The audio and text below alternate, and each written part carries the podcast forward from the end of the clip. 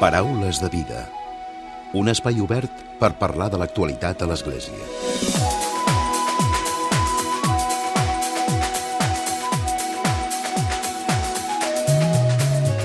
Què tal? Salutacions i molt bon dia, molt bon diumenge i també molt bon Nadal. Avui us volem parlar d'una campanya que té per títol Ara toca Mercè, ara toca acollir. De fet, és un projecte que impulsen des de l'obra Mercedària i que consisteix en garantir pisos d'inserció social per a persones que estan en risc d'exclusió social. Concretament, s'enfoca, s'adreça a aquelles persones que han passat per la presó i, de fet, arrosseguen un estigma social important pel fet, precisament, d'haver passat per la presó. Avui reflexionem sobre la situació d'aquestes persones i també sobre aquest projecte, en què consisteix i què és el que garanteix aquest projecte que té per títol Ara toca Mercè, ara toca acollir. Avui ens acompanya en aquest últim Paraules de Vida del 2020, ens acompanya la Núria Ortín. Ella és directora de la Fundació Obra Mercedària. Però abans de començar, també us recordo que al final del programa hi haurà un nou comentari de l'actualitat de Francesc Romeu. Comencem.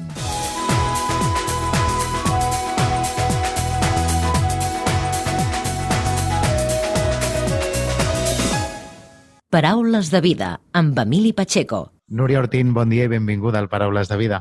Gràcies, Emili, benvinguts. Avui mm, ens acompanyes per parlar d'aquesta campanya que heu posat en marxa des de l'obra mercedària Temps d'acollida, Temps de Mercè. Explica'ns en què consisteix. Uh -huh. Bé, aquesta campanya l'he mediat una mica perquè estem vivint tots un, un, una època complicada de crisis eh, en, en quant als més dels, dels desvalguts, els, els més vulnerables són els que estan pagant més les conseqüències d'aquesta crisi que ni esperàvem, ni volíem, ni, ni, bueno, ni sabem gaire com, com ens en sortirem. No? Però sí que és cert que en el moment que ens tanquen tots a casa i, i hem de complir unes regles que ningú agrada però que ha de ser en benefici de, de, la, de la societat, no? Eh, veiem que, que aquesta gent, eh, que són els que surten de la presó, que són els més pobres, els que dormen al carrer, mm, bueno, es queden una mica sempre més, encara més desvalguts del que estan, no? Eh, aquesta, aquesta mm, campanya de, de Mercè, la gent que no sàpiga la Mercè, part de ser la patrona de, de Barcelona, és la, és la Mare de Déu de, la, de, de les presons, no? és la, la que cuida, la que empara. Llavors, ara que estem a les portes del Nadal, creiem que era molt bo eh, que la gent sigui conscient, ara que hem tingut un temps doncs, de, de, de parar i de, de pensar i de reflexionar, que siguin conscients eh, de, del que significa acollir, no? O sigui, de, de, de, del cuidar-nos, d'acollir, de, de posar-nos una mica la pell de l'altre, d'aquests que pateixen tant, eh, què passa no? si no els cuidem, perquè al final et dones compte que si nosaltres estem bé i ells estan bé, tothom està bé. No? És, és una mica un crit a la societat de dir eh, intentem que tot s'equilibri una mica més, ja que ara hem tingut la possibilitat doncs, de pensar que, que un virus, no? com Covid, ens ha, ens ha equilibrat a quant a condicions, eh, què passa amb el, amb el pobre, què passa si jo estigués en aquest, en aquest, en aquest lloc. No? Llavors, aquesta campanya que és d'acolliment, eh, no? això que dèiem del Nadal, que és quan quan Jesús neix, no? neix a, a, a, així sense voler en una, en una cova. Eh, hem fet un cartell precisament que, que juga una mica amb, amb, amb la cova, amb, darrere amb uns rascacels, no? que el que podria ser doncs, l'antítesi és una ciutat gran, poderosa, rica, on, on tot passa pels diners, no? pel poder. Llavors aquest contrast de, eh, bueno, parem una miqueta, eh, reflexionem sobre, l'essència, l'essència que al final és el que ens queda, no? i el que hem estat reflexionant aquests dies, doncs que importa és la persona, la, la part més humana, eh, no ens oblidem, nosaltres en aquest cas, perquè som obra mercedària i treballem sobretot amb el tema de les presons, no ens oblidem dels que han patit més, dels que pateixen, dels que realment eh, els que nosaltres acollim els pisos de reinserció i fem amb ells una feina, aquesta gent no tenen res ni ningú, no? Doncs eh, en aquest temps de, de Nadal, de, de Mercè, que nosaltres diem, fem una mirada més, més, més pausada, més contemplativa, més conscient amb tot aquest col·lectiu eh, de, de presos, de gent que intenta segones oportunitats de reinserció. De, perquè... Nuri, de fet, eh, a l'espot promocional uh -huh. hi ha una de les persones, no un testimoni, una de les persones que, en aquest cas, mm, explica no, la seva història, és dir, que ell tenia una vida uh. -huh. molt normal fins que va deixar de, de tenir aquesta vida normal, no? Exacte. De fet, aquest, aquest testimoni, l'Andrés, eh, bueno, a mi em va copsar, ja, ja, jo, només parlo amb ell, perquè és una persona que havia estat molt de temps a la, a la presó. Nosaltres no, normalment no, bueno, jo, jo no, no, no intentem entendre el, el, quin delicte no? hi ha, sinó que eh, No mirem una mica més... Exacte, eh, o sigui, la- l'acompanyament que fan els mercedaris a les presons o, o els professionals, en aquest cas, nosaltres el que volem és eh, ajudar a escoltar tens a davant una persona doncs, que, que ja, ja ha fet un pecat, és veritat, i que ja, ja, ja està pagant per això. Llavors, qui som nosaltres una mica per dir eh, que, que, és una mica el codi que molta gent està utilitzant a la societat, no? que diu, home, els que treballeu a les presons, pues que se pudren, no? O sigui, això tan, que- d'aquesta mirada que parlava més de- d'empatia, no? Diu, bueno, se podran. Tu què haguessis fet, no?, si, si neixes en, en aquestes condicions. Clar, com diu, com diu mica- com diu l'Andrés, no? Ell Sí. diu, ja he pagat per la meva pena, ara vull una exacte, oportunitat. No? exacte, no? Llavors, és, jo tenia... Que, que a més ell és, és conscient, no? Perquè la presó dona per, per, per molt, molt, molt, molt que pensar, no? Eh, en el moment que tu estàs tancat amb gent en una, en, en una presó, eh, en una cel·la, que, no, que, que, que ni, ni, ni, ni, ni, ni saps qui són, ni, ni, ni, ni d'on venen, però que has de compartir i que, i que ja ens costa a nosaltres conviure amb les nostres famílies, no? ho hem vist en aquest temps de confinament, però de cop estàs pagant no? i estàs eh, bueno, eh, tancat, que per tant est- estàs sense llibertat, ells el que deien és, bueno, és veritat, jo pequé, no? O, o jo vaig tenir una, una caiguda perquè no és que ningú em posés una pistola, però jo al final vaig ser un, un drogadicte i vaig ser un traficant, ja ho he pagat, tenia una vida que, que, que, que, que, que, que, és, és molt colpidor, eh? perquè tenia una vida molt bonita, o sigui, que, que a vegades nosaltres tampoc des de fora som conscients de... Jo ho tenia tot, tenia una nòvia, tenia una feina, tenia una família, tenia una llar, no? De cop, dice, t'enganxen, perquè al final t'enganxen, no és de les coses que ell diu, eh, o sigui, al final, eh, si ets un, un traficant, t'enganxen, no? I si robes, normalment t'enganxen diu, bueno, pues ara que valores, no? que has estat com a l'altra banda, a les reixes, no? Quan, quan no has sigut lliure, quan no has pogut aixecar-te al matí a córrer si volies, o, o anar a prendre un cafè amb els teus amics, o anar a saludar la teva mare, o, o marxar un cap de setmana de cop, això es trenca del tot, la vida et fa un peron espectacular. Llavors, què passa? Que la que surten, primer que se senten molt, molt, molt perduts perquè, perquè t'ho imagina't anys, no? està tancada en quatre reixes, surts al carrer, eh, la teva família normalment ja t'ha donat l'esquena i amics són molt pocs, no? són gent que, que ja- no tenen recursos, no tens feina, evidentment, no tens eh, on, on, on, sub- on, on aguantar-te, no? Has subjectar-te, i de de cop zero, et no? trobes, clar, comences de zero, exacte. Llavors, el que fem a, a la Fundació Gran Mercedari una mica és, bueno, anem a sustentar aquesta gent, primer perquè si no estarien al carrer, literalment al carrer, i aquests que volen realment, doncs, un Andrés, no? que jo lo tenía todo pero quiero eh, després d'este parón, tornar a sentir-me que sóc una persona, que no sóc un número, que hi ha gent que, doncs, que em serveix o que m'estima o, que, o que puc anar a passejar més. Llavors tenim llars d'acollida, que, que, que és una mica la campanya que diem, escolta, societat, no? Eh, nosaltres ja ho fem i posem els professionals, però ajudeu-nos una mica a, a que cada vegada les societats siguin més justes, més segures en quant a que aquesta persona, si ja el treien del carrer, ja no tornarà a delinquir. I són pocs, eh? perquè al final la gent diu, bueno, quanta gent es reinserta? Però els que es reinserten són molt conscients de que han tingut una segona oportunitat, que han tingut un pis, que no han estat dormint uh, al ras, que els has alimentat, que han fet un esforç, que han començat a caminar i de cop diuen, ho hem d'aprofitar agraïts eternament, perquè és veritat que algú els ha escoltat, que això és molt important per ells, i a més a més hi ha alguns que han pogut arribar a tenir una casa, una llar, una habitació, han pogut recuperar aquell amic, aquell familiar i tornen a començar. I tenen un sou, eh, petit encara que sigui, però, però ja, ja, ja engeguen, no? I, el- i, i, i una Tenen l'empenta, no? Una fem, petita sí, empenta. Exacte, són aquests pisos que nosaltres diem ponts en el sentit de que després el que volem és que ja volin, volin però amb seguretat. Penseu que són gent, la, la gent que ve de presó, són gent que està molt trencada, amb, amb històries molt, molt tristes, molt feixugues, molt, molt colpidores i, i, de cop um, bueno, han, han, han de refer, cos, costa molt, si és un camí llarg, eh? O sigui, nosaltres podem parlar de que una persona al pis de, de, de, de reinserció, quan, sobretot quan ja han sortit, eh? Després tenim pisos d'aquests que diem de, de permisos, de, de segons i tercers graus, que surten caps de setmana o quan tenen permisos estan allà, que per tant bueno, ja estan reserats, però els que ja surten definitivament, ostres, de cop eh, han de fer un treball, jo diria, com de mesos o un any, no? I llavors bueno, primer, els que no tenen papers, doncs, doncs eh, escolta, doncs vés als voluntaris que tenim que són advocats i t'ajudaran i a veure com podem fer perquè tu tinguis la possibilitat de, de, de, de tenir un accés al treball, no? O tu que tens una dependència, doncs vés en aquest centre que tu podràs eh, fer un treball perquè tot això ho vagis curant. No? O sigui que cada, cada història personal la mirem molt a nivell eh, per, per dir què necessiten cada un per després això reconvertir-ho en que sigui un èxit per ells, no? a nivell personal. I de cop es fan forts interiorment i bueno, això és molt, és, és molt enriquidor no? per nosaltres. De fet, l'Antonio no, explica que diu, diu surts, a, surts a la, en aquesta societat i al final diu, veus que tot ha canviat molt, no diu que t'has adaptat, no diu, per exemple, amb el Totalment. mòbil, amb, no, amb les xarxes sí. socials, diu que és tot un món. Home, no? hi ha gent que no sap ni què és el WhatsApp, que nosaltres ara ja portem uns anys, no? però, però en el seu dia ja, ja el vam veure com que tothom tenia WhatsApp i podies comunicar, no? o un correu, o, o, o el senyor Google, no? Quantes vegades nosaltres ara ja tothom busquem qualsevol informació, no?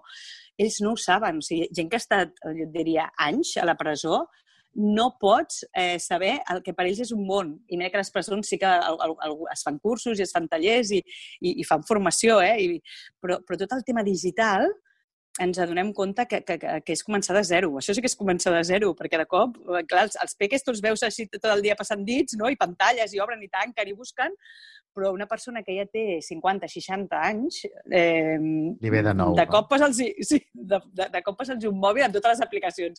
I que és una aplicació, no? I, és, és, una, és una feina doncs, que, que, que, que s'han de s'han d'actualitzar en tot el món, en tots els sentits, en tots els sentits. I que la gent que ens escolti avui al Paraules de Vida, Núria, si vol col·laborar, què és el que pot fer? Perquè em sembla que és des d'un euro es pot fer una col·laboració, no? Sí, nosaltres vam pensar que qualsevol cosa, o sigui, un euro ja ens, ja ens serveix, no? perquè són gent que, que necessiten qualsevol cosa. Mm, a nosaltres aquests pisos és cert que ens costa molt mantenir-los, perquè al final és tenir gent que, que, que tenen una habitació individual amb un, amb un bany i, i que els donem eh, bueno, l'esmorzar i, el, i el sopar. No? Llavors vam pensar, mira, qualsevol persona que ens escolti, que pugui o vulgui eh, a partir d'un euro, qualsevol cosa sigui, és benvingut. No? Un euro, cinc euros, deu. Hi ha gent que diu, oh, ostres, aquest treball és veritat que ni coneixíem, i, i, i ja que ho fan uns altres i nosaltres no podem, doncs que com a mínim donar la possibilitat o donar l'eina perquè sigui. No? Llavors, poden entrar a la pàgina web obremercedària.org allà hi ha un número, hem creat un número de Visum perquè ara, sobretot els joves, eh? ara quan, quan surts i dius ah, he de pagar alguna cosa, no, ja t'ho pagaré, no, no, ara ja fas amb, amb el Visum que tothom, els que tenen el telèfon, ja fas amb, amb el número um, que, que, que tenim, que és el 0116, no, però ara t'ho diré exactament, el número és un número, o si no, ens poden trucar a la Fundació Obra Mercedària tenim número de compte, o sigui que es pot fer com, bueno, com, com, com més còmode. Per això sí que no, que no, tanquem, que, que no tanquem portes, saps? De fet, clicant, Però, no? De fet, vulguin, clicant, a, de fet, clicant, posant a, a Google la, el nom d'obra mercedària.org, com diu la, la Núria, en allà hi ha tota Exacte. la informació, no? Hi ha també el sí. testimoni, el testimoni de, de l'Antonio, per exemple, que també es pot veure d'aquesta campanya. El, sí, perquè són de 3 minuts que jo crec que val molt la pena, perquè són bueno, són, són, són testimonis que, que no et deixen indiferents, saps què et vull dir? Llavors, escoltes gent que t'està dient yo lo tenía todo y he tenido que pasar por la cárcel y suerte de obra mercedaria que me ha, me ha atendido, ostres, bueno, és, és una mica doncs, doncs gent que, que l'escoltes i, de fet, ell... i bueno, et fa pensar. L'Antonio, de fet, també, recordem als nostres oients, en el vídeo ho comenta, diu, no, no, no us cregueu que a la presó s'està bé, diu que quan estàs Exacte. a la presó has de valorar molt la, la llibertat, la llibertat de poder sortir, mm. el que comentava ara la Núria, no? de, de sortir, de poder fer el que vulguis i no estar entre quatre parets. No? Exacte. Mireu, el número de Visum, si el voleu apuntar, és 01143. És mm -hmm. 01143. I, i aquí es podria fer directament, doncs poso un euro, poso 5, poso 20, és igual, ens és igual, qualsevol cosa benvinguda.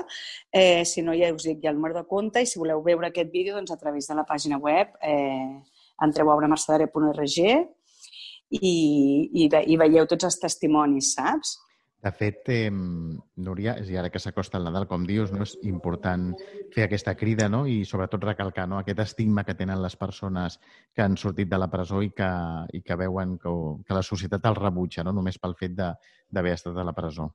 Sí, ells mateixos ho diuen, eh? t'expliquen a vegades que diuen, sembla que, que, que també és un problema seu, eh? que, que, que, que només amb la mirada ja ens miren malament perquè perquè si algú sap que has estat a la presó és com que la gent eh, gira l'esquena, no?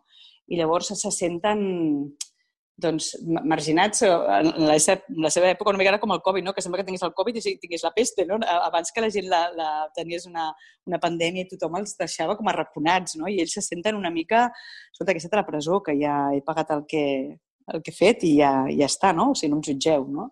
Una mica, o sigui, són gent que, que sí, que han pecat, però que, no, que, que, que nosaltres no, no tenim cap dret no, a jutjar-los en aquest sentit. I la gent que vol i que necessita doncs, que tinguin aquesta segona oportunitat. La, la vostra acció, eh, nosaltres... Núria, la vostra sí. acció està concretada a Barcelona, no? Nosaltres, com que la, la Mercè, o sigui, la, la Mare de Déu de la Mercè, la patrona de Barcelona, neix aquí, tenim el, el que diem a la cúria de, dels mercedaris i, i i la Fundació La Seu a Barcelona. Però tenim un pis de, de permisos a la Vall d'Hebron, que va ser el primer que, que, que engega doncs ja fa 48 anys, eh, de permisos, que allà viu una, una comunitat mercedària. Tenim una Sant Feliu que ens van deixar la, la casa les mercedàries perquè nosaltres féssim l'acció, que allà poden cabre fins a 18 nois. Nosaltres treballem bàsicament amb nois perquè bueno, n'hi ha molts més que surten de la presó sense cap, cap mm, recolzament, diria, si les dones sempre s'espavilen molt més, o tenen una amiga, tenen una tia, o tenen una filla, o tenen... Els homes... gent jove? Que és un homes perfil... i gent jove? Mira, nosaltres atenem des de 18 anys fins a, diria, 70. O sigui, tenim tots els perfils de persones eh, que realment volien aquesta segona oportunitat. I llavors, a part del de Sant Feliu i el, de, el que tenim aquí a la Vall d'Hebron, també tenim un altre pis a Catalunya, a, la, a Lleida, que, que normalment són gent que ja, o el mercedari o la treballadora social, entra ja abans que aquestes persones surtin i ja fan una mica el filtrat, el parlar amb ells, el conèixer, els, el que sàpiguen que tenim aquests pisos de reinserció on poden estar per no estar al carrer.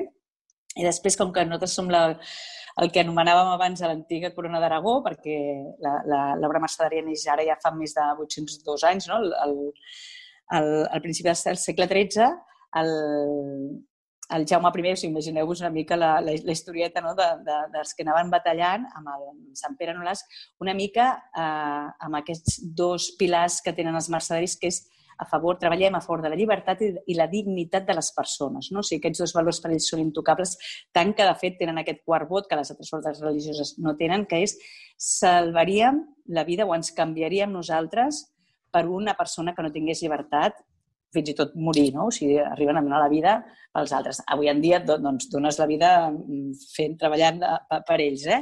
d'aquesta manera. I llavors, el, el que fem és eh, tra treballar una mica on, on els mercedaris tenen obra social, que també és a Castelló, tenim pis a Saragossa i fins a Elx arribem i llavors tenim alguns eh, pisos, ells estan a Salvador, tenim també de tres, hi ha alguns que són de joves, alguns que tenim de, de dones, de problemes de, tra de trata. A ha nens que estan al carrer que, que detectem que realment són, són nens que no tenen ni pares ni mares i per tant els hem d'agafar perquè no viuen allà. Eh, bueno, gent gran també. I llavors allà on tenen comunitats, que és Venezuela, El Salvador, Panamà eh, bueno, i Mozambic, tenim dos, doncs allà on nosaltres estem, on tenen acció social, tenim pisos d'acollida. Uh -huh. Molt bé, doncs des d'aquí, avui des del Paraules de Vida, animem també els nostres oients a que participin d'aquesta campanya Temps d'acollida, Temps de Mercè, de, de l'obra mercedària de, de l'obra mercedària. Hem parlat amb -huh. la Núria Ortín, que és la directora d'aquesta fundació, de la Fundació Obra Mercedària. Núria, gràcies per haver-nos acompanyat avui. Emília, tu moltíssimes gràcies i a tots els que ens escolten, una abraçada. Paraules de vida. L'Església dia a dia.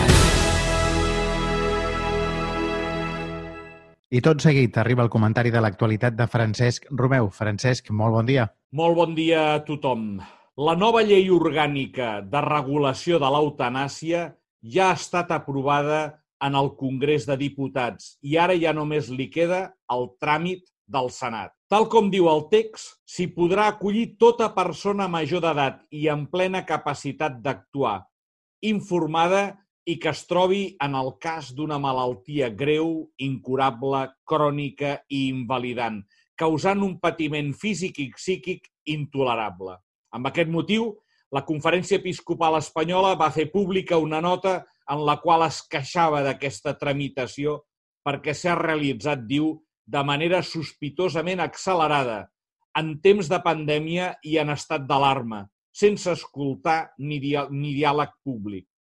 El fet és especialment greu, ja que instaura una ruptura moral, un canvi en les finalitats de l'Estat, de defensar la vida a ser responsable de la mort infringida i també de la professió mèdica, cridada en allò possible a guarir o almenys alleujar en qualsevol cas a consolar i mai a provocar intencionadament la mort. És una proposta que fa joc amb la visió antropològica i cultural dels sistemes de poder dominants en el món.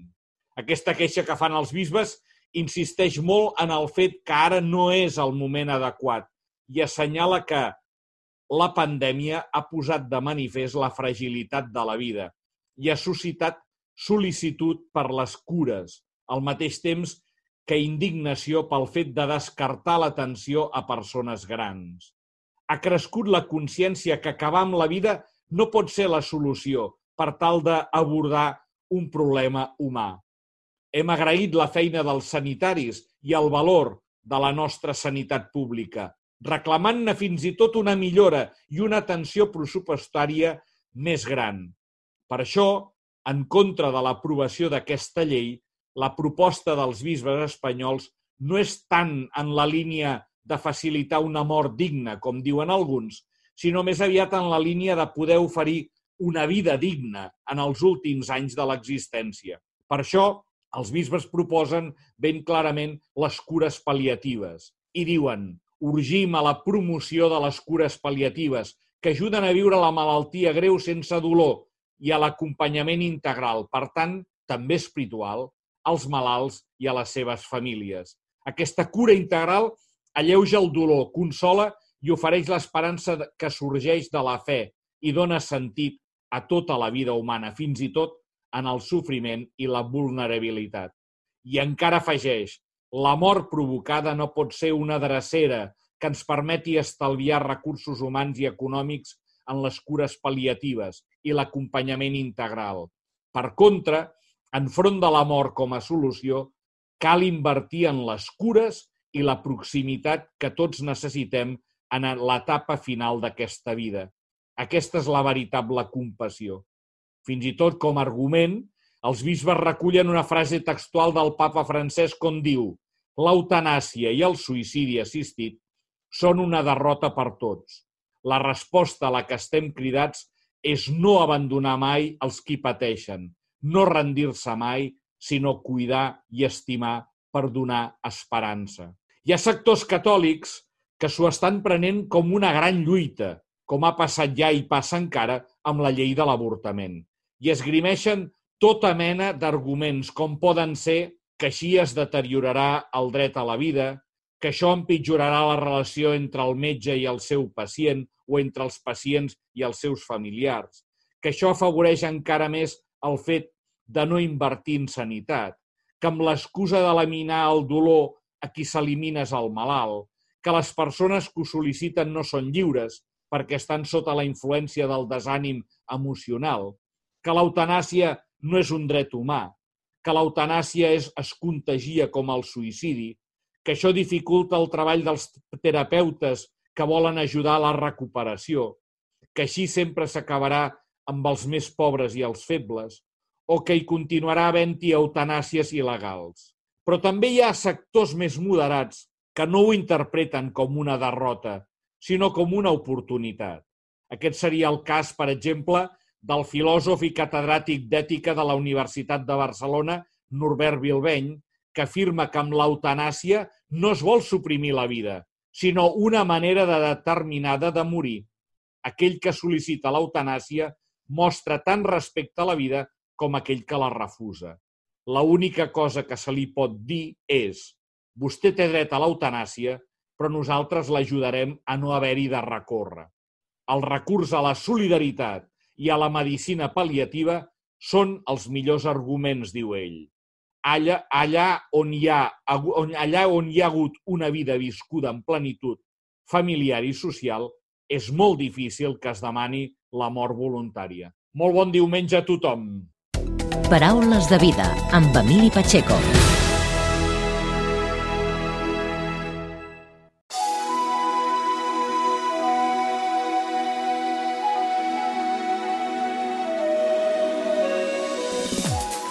Fins aquí el Paraules de Vida d'aquest diumenge, d'aquesta setmana i també d'aquest 2020.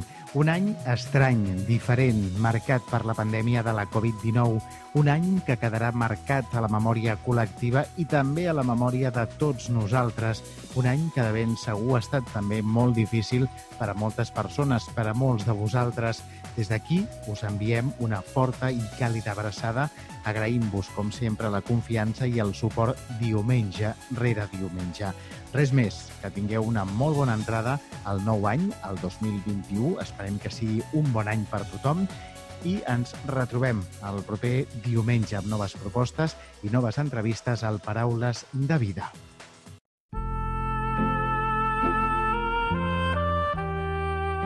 Us oferim la carta dominical de l'arcabisbe de Barcelona, Joan Josep Omella. Déu vos guard. La família és el pal de paller de la societat, l'espai on trobem refugi, comprensió, suport i sobretot amor. La família sempre ens acompanya, encara que de vegades no la tinguem físicament a prop. La família ens protegeix i ens fa sentir segurs.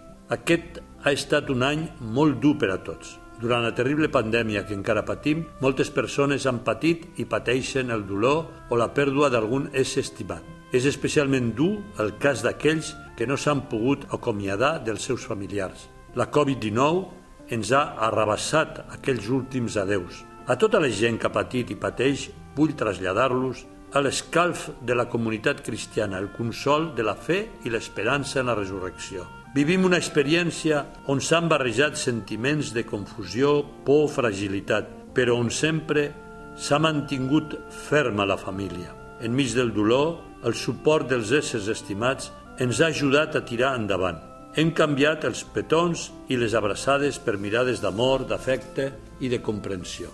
Tot i així, se'm trenca el cor quan veig que, durant aquestes festes de Nadal, molts avis no es poden reunir com sempre amb els seus fills i nets. Pel bé de tots, és un Nadal amb pocs petons i abraçades. El papa francès deia en una de les seves audiències que la família és la primera comunitat on s'ensenya i s'aprèn a estimar i que també és el lloc on es transmet la fe. La bona salut de la família és decisiva per al futur del món i de l'Església perquè és el lloc on s'aprèn a fer el bé. La fe i l'amor s'aprenen només en dialecte, en el dialecte de la família. En un altre idioma no s'entenen. I afegia, durant el camí de la vida Jesús no ens abandona mai. La seva presència es manifesta a través de la tendresa, les carícies, l'abraçada d'una mare, d'un pare, d'un fill. La família és el lloc de la tendresa. En efecte, davant de totes les dificultats viscudes des de l'inici de la pandèmia, hem de recordar que Déu mai no abandona els seus fills que aquesta prova ha de ser una oportunitat per avançar en el camí interior i espiritual. Cal que tot allò que hem viscut i hem patit sigui acollit com una crida a mirar el rostre de Jesucrist. Finalment, el papa recorda que una bona família transmet valors civils, educa a sentir-se part del cos social, a comportar-se com a ciutadans llegals i honestos. Una nació no pot mantenir-se d'en peus si les famílies no compleixen aquesta tasca. La primera educació cívica es rep en la família. Aquest diumenge, a les 5 de la tarda, a la Basílica de la Sagrada Família, celebrarem una missa amb motiu de la festa de la Sagrada Família i pregarem per totes i cada una de les nostres famílies. Benvolguts germans i germanes, us animo a mantenir i a cuidar aquest vincle universal d'amor que és la família, aquest refugi de tendresa, la millor representació de la Santíssima Trinitat, font d'amor i de consol us hem ofert la carta dominical de l'arcabisbe de Barcelona, Joan Josep Omella.